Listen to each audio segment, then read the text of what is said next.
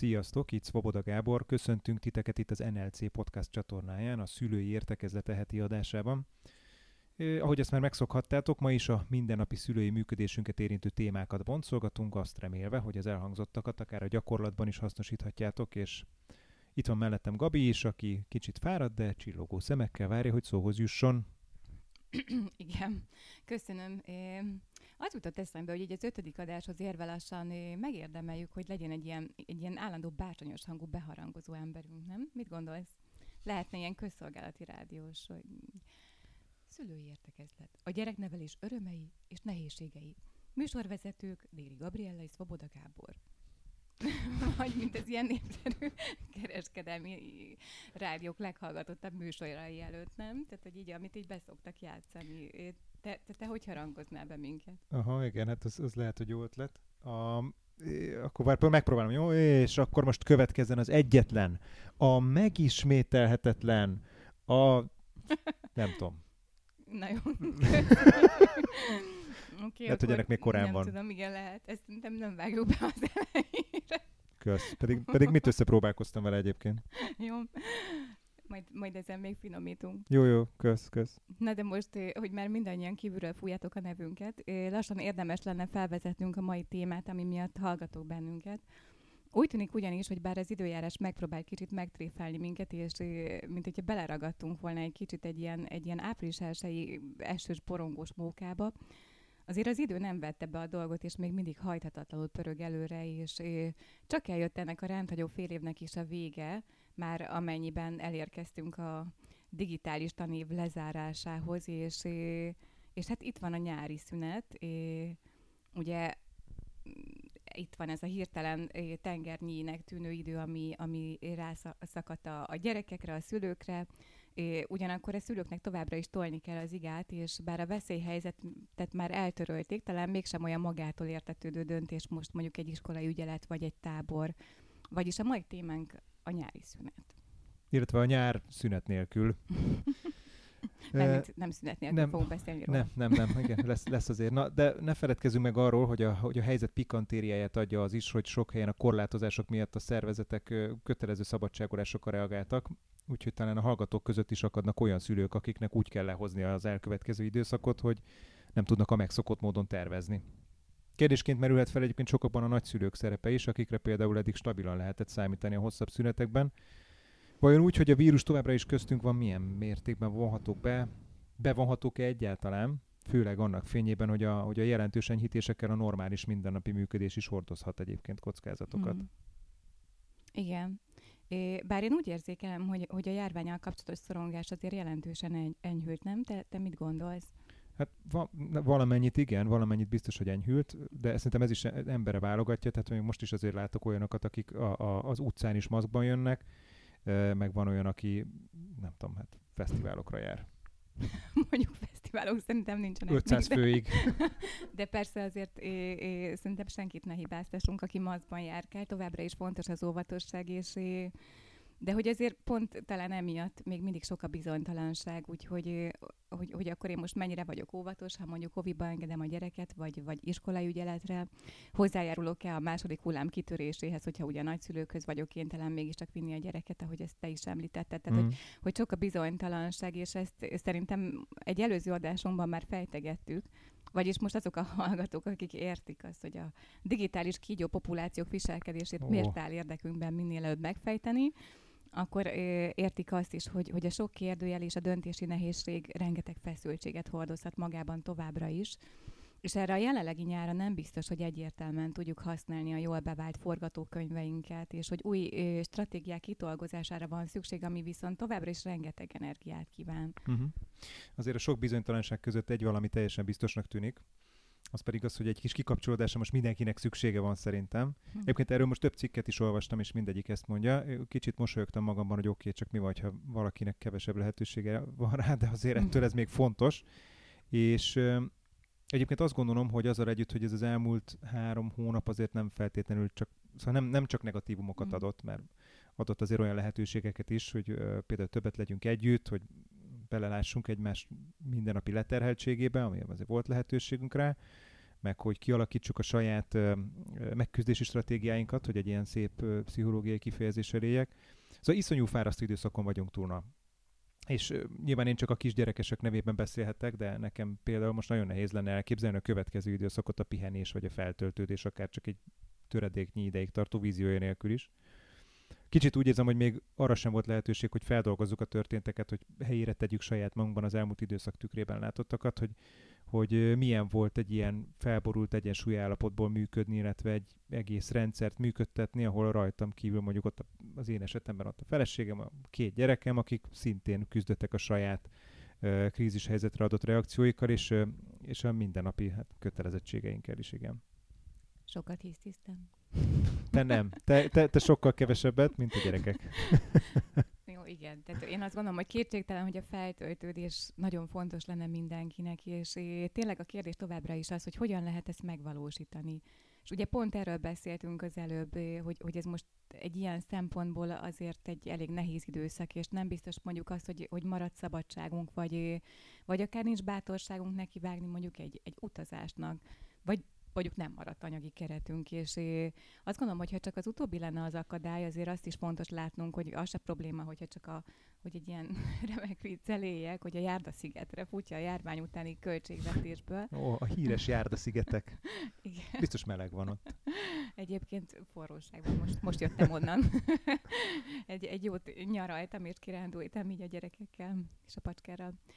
Szóval azt hiszem, hogy, hogy talán érdemes tudatosítanunk, hogy az idei nyaralás nem feltétlenül az élményszerzéstől, vagy, vagy egy utazás izgalmaitól lesz teljes, hanem, hanem kötetlenül é, é, töltsünk együtt időt, és, és maga az a lehetőség, hogy együtt lehetünk é, kötetlenül, és nem összezárva mindenféle é, é, kötelezettségtől terheltem, mert, mert önmagában egy... Tehát kötetlenül. Mindenki, mindenképpen te nem kötelező, akkor kötetlenül. Igen, Igen mondtam, kicsit túl definiálom így, a, így a dolgot, és é, azt gondolom, hogy, hogy, hogy ezt azok élhetik leginkább át, akiknek é, é, már önjáróak a gyerekei, vagy, vagy akik egyedülállóak, é, mármint így ezt a fajta kötetlenséget, é, abban az esetben, hogyha egyébként nincsen mondjuk é, elég szabadságuk, de, de, de az az igazság, hogy a többieknek ez az időszak, a, ami ugye mögöttünk áll, nagyon is trapás volt, és, és leginkább túlhajszolt, uh-huh. és mhm.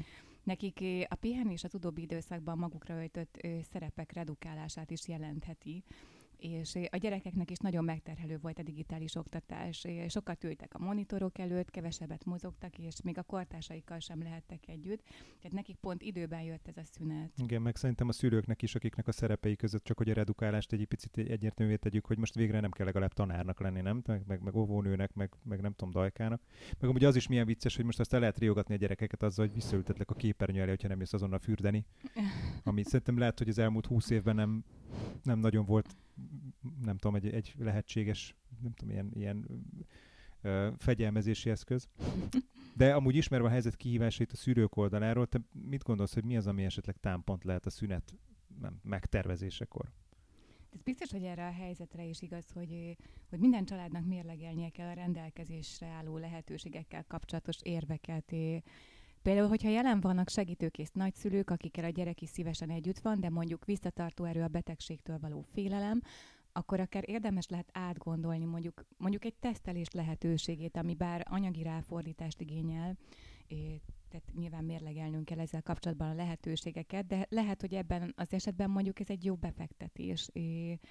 Nekem pszichológusként egyébként két gumicicám van, anyaként is, vagy nem tudom, hogy ez olyan viccesen hangzik. az egyik az egyedül hagyott gyerekek esete, É, azt gondolom, hogy ez egy nagyon kényes téma, mert é, tehát azt látom é, azok között is, akik é, hozzám járnak, hogy valóban kerülhet egy szülő olyan helyzetbe, hogy, hogy ilyen kényszer megoldást kell alkalmaznia. De ezt azért mondjuk egy olyan 12 éves kor előtt mindenképpen próbálnám elkerülni, és ha más megoldást nincs, akkor az iskolai ügyelet lehetőségét, vagy, vagy ugye az óvodák állandó nyitva tartását kihasználni. nem, mint hogyha egyébként, tehát hogy azért szerencsére óviskorú gyerekeket még nem hagynak otthon egyedül, viszont Reméltem. azt látom, hogy, hogy annál gyakrabban mondjuk ilyen 7-8 éves kor felett azért ez így elő-elő fordul. 7-8 éves kor felett, nem 7.-8-tól? Nem, pont, nem? tehát hogy, hogy, hogy, hogy azt látom, hogy pont a kényszerpálya miatt 7-8 éves kor körül már, már maradnak otthon gyerekek, és tehát, hogy én azt gondolom, hogy hogy pont ebben az ilyen digitális világban, ahol egy ilyen digitális fonállal vagyunk összekötve egyébként a gyerekeinkkel is a nap minden pillanatában, azért ezek a gyerekek sincsenek teljesen magukra hagyva, tehát hogy nagyon sokszor így óránként felhívja mondjuk a szülő, meg elmagyarázza, hogy akkor hogy kapcsolja be a mikrot, stb. De hogy azért azt gondolom, hogy, hogy, hogy ezek a gyerekek még nincsenek készen arra, hogyha bármi történik, és tehát hogy erre reagálni kell, és egy stratégiát tervezni. Tehát, hogy, hogy 12 éves kor után már mondjuk gyakorolhatunk egy-két egyedül töltött órával, és egyébként 7.-8. osztálytól azért a gyerekek kifejezett igénye is lehet az egyedüllét, de hogy, hogy fontos, hogy, hogy a kisebbeknél fokozottan ügyeljünk így arra, hogy, hogy azért amikor igény van rá, akkor is jelen legyünk, hogy érzelmileg mindig elérhetőek legyünk, hogy rendelkezésre álljunk, és Egyébként ez fontos, hogy azért az előzőekről ugye most nem jogi szempontból beszéltem. Pont ezt akartam mondani, igen. Nyilván itt én most, amit, amit megélek így a, a, a tanácsadói munkám során, hogy látom tényleg azt, hogy egyébként annak ellenére, hogy ez jogilag egyébként nem állja meg a helyét, tényleg a gyakorlatban maradnak egyedül gyerekek, és igen, tehát hogy ezt el kell fogadni, hogy ez, ez néha egy kényszerpálya, de hogy most azért szerencsére vannak olyan lehetőségek, ahol tehát hogy tudjuk használni így a, a, akár az intézmények nyújtotta lehetőséget, és a másik, ehhez egyébként nagyon hasonló gumicicám pedig az online töltött idő, ami sokszor ilyen paradox módon egyet tud jelenteni így a magára hagyatottsággal. Uh-huh. Egyébként érdekes, hogy ezt mondod, egy korábbi podcast adásban talán mi is beszéltünk arról, mert már annyira sok volt, mert nem is emlékszem, hogy, hogy, hogy ebben a rendkívüli helyzetben, ami a korlátozások miatt, miatt kialakult, mondtunk hogy olyat, hogy legyünk megengedőbbek akár a mhm. uh-huh. kapcsolatban is. Miközben egyébként elmondtuk azt is, hogy azért egy csomóan továbbra sincsenek könnyű helyzetben, mert sokan továbbra is home office-ban dolgoznak, nekik továbbra is szükségük van olyan időre, amikor, amikor tudnak koncentrálni, miközben a gyerek élvezni a jól megérdemelt szabadságot egyébként. Például azt gondolom, hogy mondjuk az online játékok nyilván értelmes idői keretek között, meg a, a, az életkori ajánlások figyelembevételével ennek a jól megérdemelt szabadságnak a részeként nem baj, ha benne vannak a gyerek mindennapjaiban. Csak hogy egy példát mondjak, nekem például kb. 5 éve, 5 éve benne van a fejemben, hogy, hogy mit fogok majd ilyen online játékot mhm. játszani a gyerekeimmel először számítógépen, tehát hogy mondhatom azt, hogy, hogy ebből a szempontból kicsit előre terveztem. De hogy... Igen, értem. Hát, és mm, azt hiszem, hogy, hogy most így hirtelen így túl sok minden van a fejemben, hogy így nagyon sok mindenre szeretnék így egyszerre reagálni. Azért azt úgy megjegyzem, hogy egyébként az, ami a fejedben van, tehát ez egy tök fontos dolog, hogy ez egy közös é, ilyen élményként é, é, hallatszik, vagy, vagy nem. Pont ezért, tehát, igen, igen. Igen, de hogy most közben meg ugye arról beszéltünk, hogy, hogy pont ez a baj, hogy nincs közös idő. Ja, világos, igen. É, tehát, hogy, hogy igen, szóval, hogy, hogy én azt hiszem, hogy akkor kezdem azzal, hogy nagyon hely, nehéz helyzet ez, ez most sokaknak, ahogy így ismételjük magunkat egy kicsit. Ha esetleg nem mondtuk volna. Igen, de hogy szülőként mégis azt gondolom, hogy az első számú feladatunk azért továbbra is a gyerek érzelmi és fizikai jólétéről való gondoskodás, és és az internet használattal, vagy, vagy a videójátékokkal kapcsolatban valóban az a kulcs, amit említesz, tehát nem az a baj, hogy ezek így, így, így, így vannak, hanem az, hogyha egyébként megfelelő idői korlátok és, és mondjuk az életkori sajátosságok figyelembevétele nélkül é, é, vannak jelen a gyerek életében. Hogyha egyébként é, így van egy kontroll, akkor, akkor ez még mondjuk előnyös is lehet a gyerek számára, hogyha ezekkel időt tölt. De tényleg sokszor azt látom, hogy, hogy azért a digitális tudatosság, mint olyan, az, az, az valahogy úgy hiányzik. Tehát, hogy, hogy, hogy ez egy ilyen nagyon nehéz dolog, hogy megteremtsük az egyensúlyt az offline és az online tér között, és, és ez sokszor még a szülőknek sem megy. És nyilván nem kell démonizálni a képernyőidőt, és azt hiszem, hogy ezzel kapcsolatban majd érdemes lesz egy külön podcastban is foglalkozunk, de azért ez fontos látnunk, hogy a gyerekeknek továbbra is nagyon-nagyon fontos a szabad játék, a mozgás, főleg mondjuk tényleg 12 éves kor alatt, és, és persze azt is é, é, értem, hogy a szülőként éppen mondjuk a túlélésért küzdünk, és mentálisan annyira leterheltek vagyunk, hogy amit te is mondasz, hogy mondjuk home office-ban nem tudom, kell teljesítenünk, hogy, hogy, hogy akár egy időszakosan nem tudunk úgy jelen lenni, hogy hogy, hogy annak a feltételeit biztosítsuk, ami egy ilyen minőségi jelenlét, akkor meg azt gondolom, hogy abban van a felelősségünk, hogy ezt tudatosítsuk, és hogy belássuk a saját korlátainkat, és, és akkor megpróbáljuk megszervezni mondjuk a segítséget, akármennyire is nehéz most ebben a helyzetben, illetve igénybe venni azt, ami adott, és most ugye megint az intézményű ügyeletekre gondoltam. Hm, egyetértek. De azt azért fontosnak tartom, hogy kicsit kibontsuk például azt, hogy mit jelent mondjuk a szabad játék, illetve ezen nyilván nincs túl sok kibontani való, fontos, hogy a gyerek spontán játszon, hogy használja a fantáziáját, de, de mi van, ha a gyerek ezt egyáltalán nem így gondolja, hogyha, hogyha nem tudja lekötni magát, vagy ne adj Isten egyenesen unatkozik. Nekem, nekem van egy olyan érzésem, hogy vannak azok a gyerekek, és ebbe egyébként a mi gyerekeink 50%-a is beletartozik, akik nem mindig tudják lefoglalni magukat. Már úgy értem, hogy egyedül. Tök jó, amikor sikerül. nem, nem, nem fogom elmondani. Tö, nem adom ki őket. Szóval tök jó, amikor sikerül, de ez egyelőre annyira nem gyakori, Egyébként még élénken él az emlékezetemben az első ilyen 30 perces alkalom, amikor konkrétan nem tudtunk mit kezdeni magunkkal hirtelen, mert annyira meglepetésszerűen ért az, hogy mindketten magukba játszanak, hogy, hogy, hogy nem tudom, eltelt Én a 30 perc. néztük őket. Basszeg igen egyébként. Igen.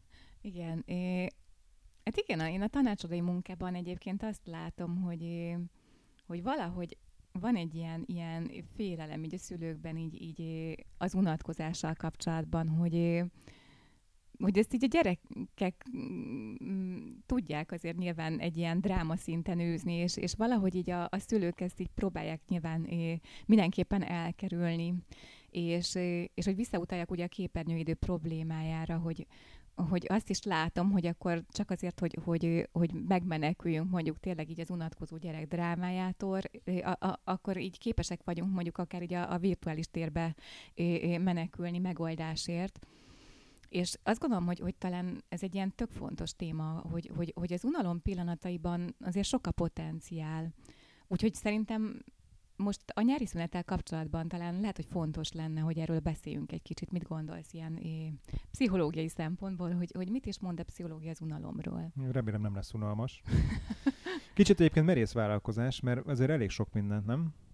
És mm. nyilván én inkább a kognitív és a fiziológiai oldalról tudom megközelíteni mert az ilyen tisztán fiziológiai állapotokat hangsúlyozó elméletek szerint az unalom állapotába akkor kerülünk, amikor az úgynevezett agyi aktivitás szintünk, ami a, a szervezetünknek egy ilyen általános iz, izgalmi vagy nem tudom, éberségi állapotát jelenti, az, az relatíve magas egy ingerszegény környezetben. Ó, ez de unalmas a Igen, köszönöm szépen.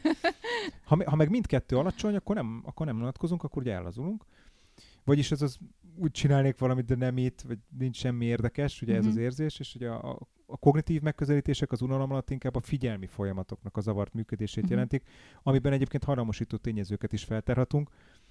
Ö, és hogy szeretnék valami nagyon unalmasat mondani, hogy, hogy ennek a kialakulását amúgy befolyásolja az, hogy valakinek mekkora monotónia tűrése, a, meg, meg hogy mondjuk mekkora kontrollunk az adott helyzetet, tudunk-e ezen változtatni, milyenek a képességeink, milyenek a szubjektív érzéseink. Szóval azért ez egy elég összetett folyamat. Uh-huh.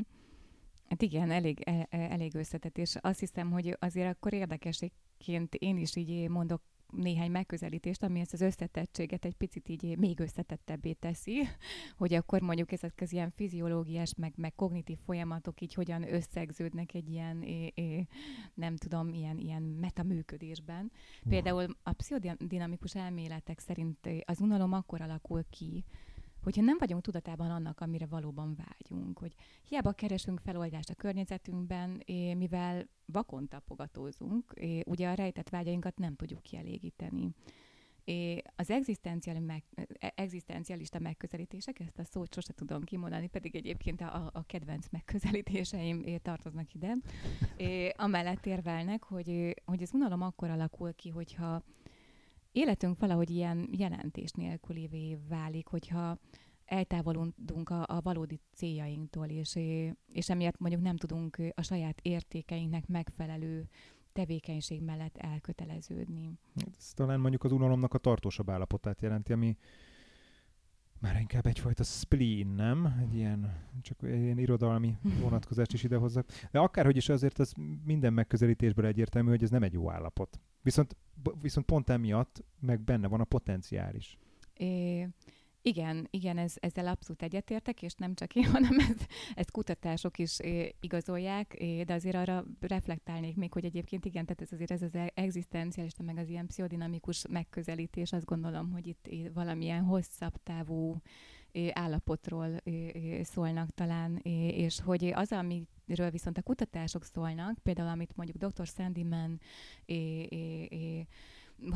vizsgált, hogy az unalom és a kreativitás között közötti kapcsolatról van itt szó. Tehát itt, itt azért olyan fajta unalomról beszélünk, ami mondjuk egy ilyen kutatásban aközben alakult ki, hogy, hogy a kísérleti résztvevőknek ilyen telefonszámokat kellett kimásolniuk, és, és ez Na a feladat. Jó.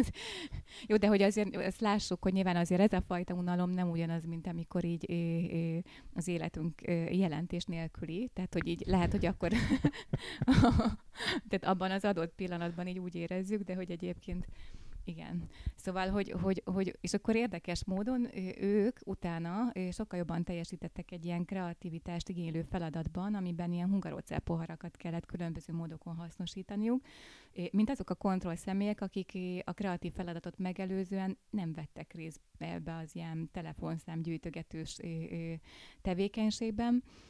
És ennek megfelelően, ugye ezt így mi is látjuk, hogy, hogy man, és egyébként így mm, azt hiszem, hogy, hogy, hogy számos más kutató is, az unalmat egyfajta ilyen cselekvésre sarkaló motivációs erőként kezeli. Tehát akkor ebből az a tanulság, hogy bármilyen unalmas feladatot kell elvégeznünk, akkor előtte valami sokkal unalmasabbat kell tanálni, hogy utána aztán relatíve az legyen, hogy végülis ezt már tök jó csinálni. Mert most így hirtelen nem kaptam kedvet egyébként hungarocel poharakat különböző módokon hasznosítani, de, de mondjuk lehet, hogy inkább választanám, mint a telefonszámoknak a kimásolgatását. Egyébként azt hiszem, hogy ha, ha már tényként kezeljük, hogy az unalom állapotában egy al- állapotából egy, egy alkotó, kreáló működésbe léphetünk át, ez, ez tök jó, de azért fontos, hogy arról is beszéljünk, hogy, hogy ez csak akkor van így, hogyha ez egy konstruktív unalom, ami meg leginkább azt jelenti, hogy ez is csak időszakos, és nem egy, nem egy állandó társ. Igen, tehát hogy nem, még egyszer, tehát hogy, hogy, hogy ez nem azt jelenti, hogy jelentés nélküli az életünk. Csak hogy az egzisztencialistákat ide hozzuk, igen. igen. É, tehát, hogy, hogy fontos, hogy, hogy, hogy azért amikor egy gyerek mondjuk unatkozik, é, é, csak hogy idehozzák még egy megközelítést, é, sokszor azt érti alatta, hogy igen, nem találok semmit, ami érdekel, és, és hogy egy picit tényleg máshonnan közelítsük meg ezt a, a, a, a problémát, tehát nem, nem csak a kreativitás oldaláról, hogy hol próbál megoldást találni, ugye legtöbbször a külvilágban, saját magán kívül.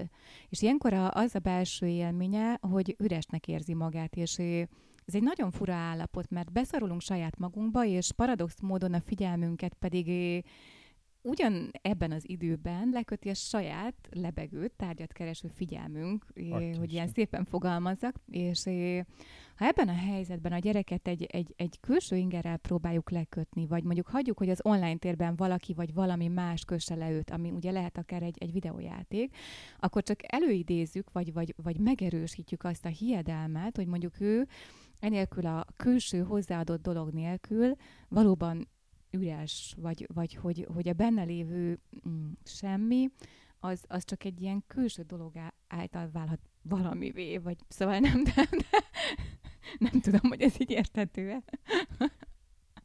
uh, próbálom ezt így befog... Ez mondjuk ez azért elég meta, én azt gondolom. Tehát egyébként egyszerűen megfogalmazva ez mint hogyha annyit jelentene, hogy, hogy meg kell adnunk a lehetőséget arra, hogy a gyerek akár a saját fantázia világában, vagy akár a saját gondolataiban merülve találjon értelmet, nem? Uh-huh. Van egyébként egy kedves barátom, vicces módon szintén Mannak hívják, csak ő, egy magyar úr, és aki egyszer azt mondta, nem meséltem még? Uh-huh. Szóval azt mondta, hogy ő teljesen ki van ezen a kössük le a gyereket, meg nehogy már ne csináljon valamit, még a végén unatkozna dolgon, és, és ő kerek, van neki négy gyereke egyébként, szóval kijelentette, hogy a, hogy a vasárnap délután az az unatkozásra van. Uh-huh. Mert hogy akkor talál rá valaki újra a belső világára. Most azért mondom, hogy újra, mert nyilván uh-huh. nagyon kicsi gyerekként, csecsemőként az csak az van. És akkor visszatérve a nyári szünetre, mi az, ami ebből a gyakorlatban hasznosítható vajon a szülők számára? Hát például mondjuk ne várjuk el, hogy a nyári szünet minden pillanata szuperfókuszáltan teljen. Bár a a táborok, hogyha engedjük ugye a gyerekeket, vagy van rá anyagi lehetőségünk, hogy, hogy oda menjenek, azért sok értéket képviselnek a gyerekek életében, meg, meg a szervezett programok is, és azt gondolom, hogy a kütyüktől sem kell, és nem is szabad megválnunk így teljesen feltétlenül, csak hogy figyeljük az arányokra, és, és hagyjuk őket unatkozni is. És kisebb gyerekeinknek mondjuk segíthetünk abban is, hogy, hogy ezekben a pillanatokban meglássák a lehetőséget, mert nekik ez még egy ilyen nagyon nehéz feladat. Tehát bátorítsuk őket, hagyunk nekik teret és, és időt az önálló tevékenységre. Ez mondjuk jelentheti azt, hogy a játszósarok felé tereljük őket, vagy, vagy éppen, hogyha erre van lehetőségünk, akkor ki a szabadba, és Biztosíthatunk nekik akár néhány alapanyagot is, amit mondjuk kreatívan tudnak feldolgozni, kartonpapírt, vagy, vagy faanyagot, vagy, vagy nem tudom, tehát hogy ezek mind lehetnek az inspiráció forrása, és szerintem itt az is nagyon fontos, hogy egyébként így azzal se feltétlenül törődjünk, hogyha mondjuk ilyen hatalmas, nem tudom, kupleráj kerekedik így az önálló tevékenységből így elsősorban. Tehát, hogy, hogy adjunk nekik ilyen szempontból is teret, és a kamaszaink esetében pedig, mert tudomásul kell vennünk, hogy, hogy azért az életük a virtuális térben is zajlik, de azért próbáljuk meg nekik is megmutatni, hogy a Facebookon, meg a, a Twitteren kívül, vagy Snapchat, vagy nem tudom most így mik, mik az ne, ilyen ne, divatos... Nem, nem menjünk bele. igen, é, é, közösségi média felületek, tehát hogy, hogy, hogy, hogy enélkül is van élet, és erősítsük meg őket abban, hogy, hogy azért az egyedül eltöltött óráknak is van értéke, és hogy fontos élményeket és tapasztalásokat belső utazással is szerezhetünk. Igen. Meg egyébként most még az előbb mondtad ezt, hogy esetleg kupit csinálnak, az is egy jó unaloműző, hogyha elpakolhatnak utána, nem? Tehát, hogy van egy ilyen. De egyébként talán zárásként még van itt egy lényeges dolog, ami ide kapcsolódik, és az a szabad játék, amiről már beszéltünk. Nyilván fontos tapasztalat, amikor egy gyerek egyedül jut túl az unalom állapotán, de legalább ilyen fontos tapasztalata az, amikor másokkal együtt uh-huh. teszi ezt. És a gyerekeknek szükségük van arra is, hogy a felnőttek beleszólása nélkül spontán és szabadon együtt játszanak a kortársaikkal. Tök mindegy, hogy ez a szomszéd gyerek, vagy valaki a játszótérről, építsenek bunker, csak hogy a saját életemből, nem tudom, hozzak egy példát, hogy másszanak fára, építsenek homokvárat, nyilván rengeteg variáció mhm. van.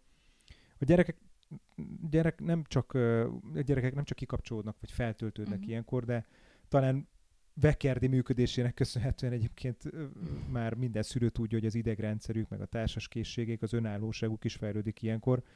Ez tulajdonképpen minden, ami elengedhetetlen az egészséges lelki működéshez. Igen, és azt hiszem, hogy azért most már itt jó, jó sok utolsó fontos dolgot tettünk hozzá, de még egy tényleg legutolsó. És kalambós kezdeni, csak még egy, csak még egy dolog. Fontos dolgot azért még, még tegyünk hozzá, és tehát, hogy, hogy, hogy azért egyrészt ezekben, na jó, akkor még kettő.